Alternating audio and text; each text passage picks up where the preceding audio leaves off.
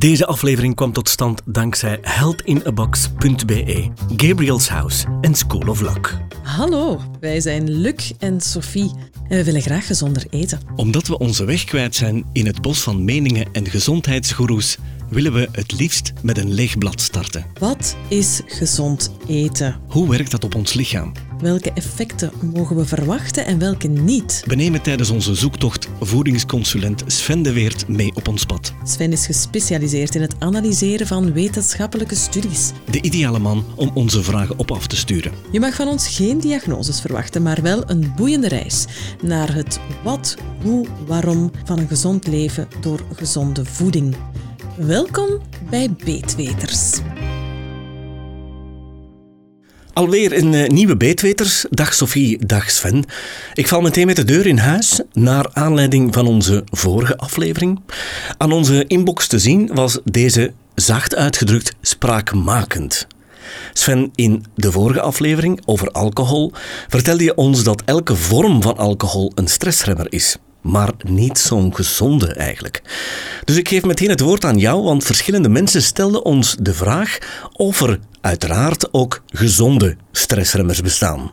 Inderdaad, er zijn gezonde stressremmers. Ehm, zaken zoals bijvoorbeeld magnesium. Wanneer ik spreek over ehm, de glutamaat, dus het, het, grote probleem bij te veel aan stress is, is glutamaat in de hersenen. Dat is het gevoel van, nu moet ik, ik begin te roepen, ik begin te vloeken, ik begin met dingen te gooien, ik kan die stress niet meer kwijt. Eigenlijk is dat allemaal een manier om van te ontladen.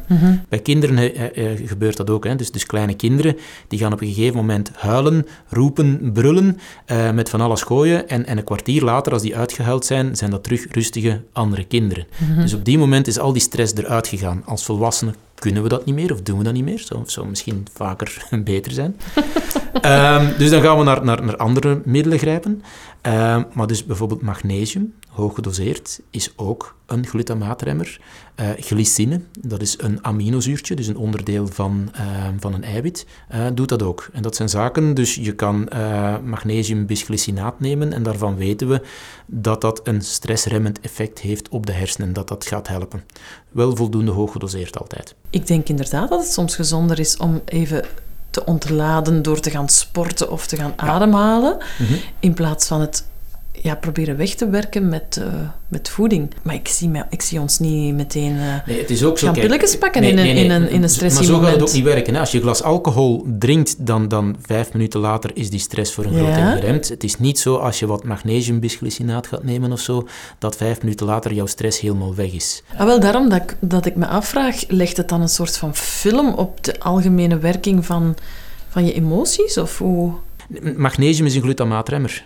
Um, dus en wanneer mensen tekort hebben aan magnesium, dus een van de symptomen van een tekort aan magnesium is dat je niet meer tegen stress kan. Ook wanneer dat al jouw spieren um, helemaal verkrampt gaan geraken, wat, wat vaak samen zit. Dus mensen die heel veel stress hebben, die krijgen last van, van ah ja, al de spieren verkrampen helemaal. Hè. Dus vooral de, de, de nekspieren, hè, die dat helemaal vastzitten, daarvoor gaan ze dan uh, naar kinesisten of gaan ze massage laten doen en die zaken allemaal. Dus die spieren zijn helemaal verkrampt wanneer we stress hebben.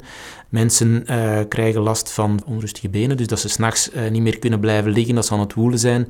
Die mm. zaken. Je kan, hartkloppingen kan een symptoom zijn van tekort aan magnesium. heel vaak een, een trillend oog, dus wat mensen soms hebben. Dus wanneer het, oog zo, het ooglid begint te trillen, kan een symptoom zijn van magnesiumtekort.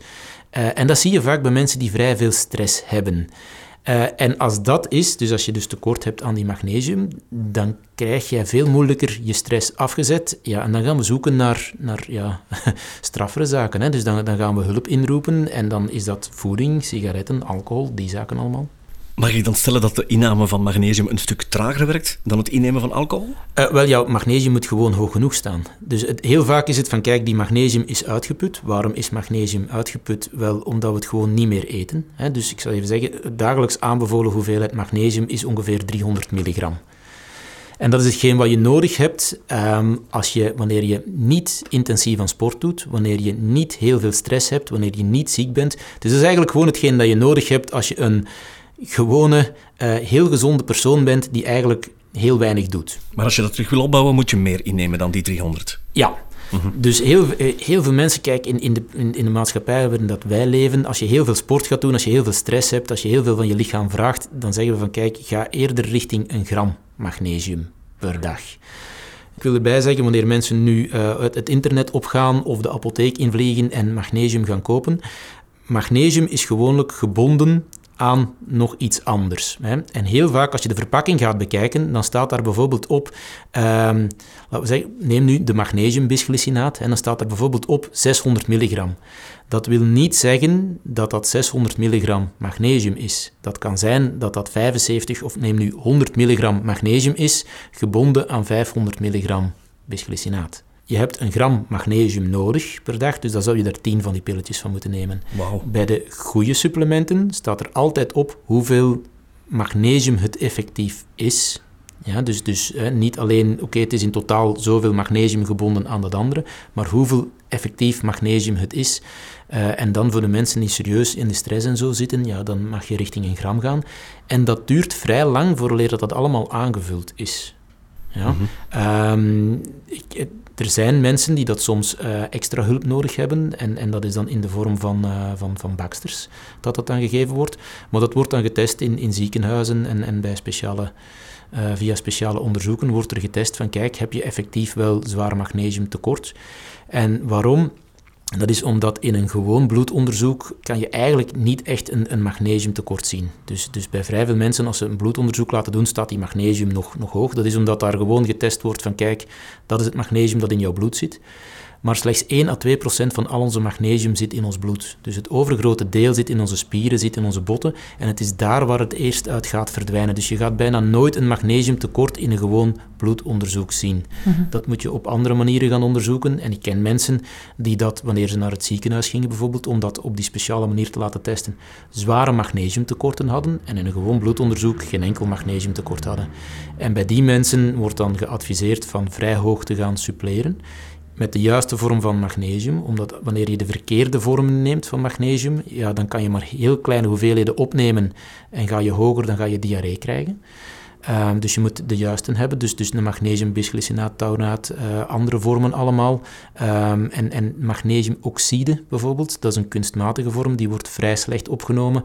En als je daar richting die gram gaat, ja, dan ga je gewoon diarree krijgen, omdat jouw, jouw darmen het niet opgenomen krijgen. Dus eigenlijk niet te snel overstag gaan met zomaar magnesium te nemen, maar je goed laten begeleiden, versta ik dan ook wel. Uh, ja, uh, het is ook zo, je moet gaan kijken als je magnesium wilt. Er zijn verschillende vormen van magnesium. Dus magnesium komt in de natuur voor, is altijd gebonden aan iets. En je hebt verschillende vormen. En sommige vormen van magnesium die worden heel goed opgenomen in de hersenen. En dan zien we dat er in de hersenen meer magnesium komt. En dat is dan goed om bijvoorbeeld uh, die stress gaan, gaan af te zetten. Mm -hmm. Maar dat doet veel minder naar de spieren. Dus als je spierkrampen hebt, dan ga je daar nog altijd wel, wel last van krijgen. En andere vormen van magnesium zijn veel beter voor de spieren, maar die gaan dan veel minder doen naar de hersenen toe. Hm. Dus soms is het goed om verschillende vormen van magnesium te gaan combineren of, of te gaan kijken van goed, wat heeft nu prioriteit hier? En om ook eens naar andere behandelingen te gaan kijken. Ik denk nu maar aan onze coachingpraktijk. Daar wordt heel hard gewerkt rond het verlagen van stress.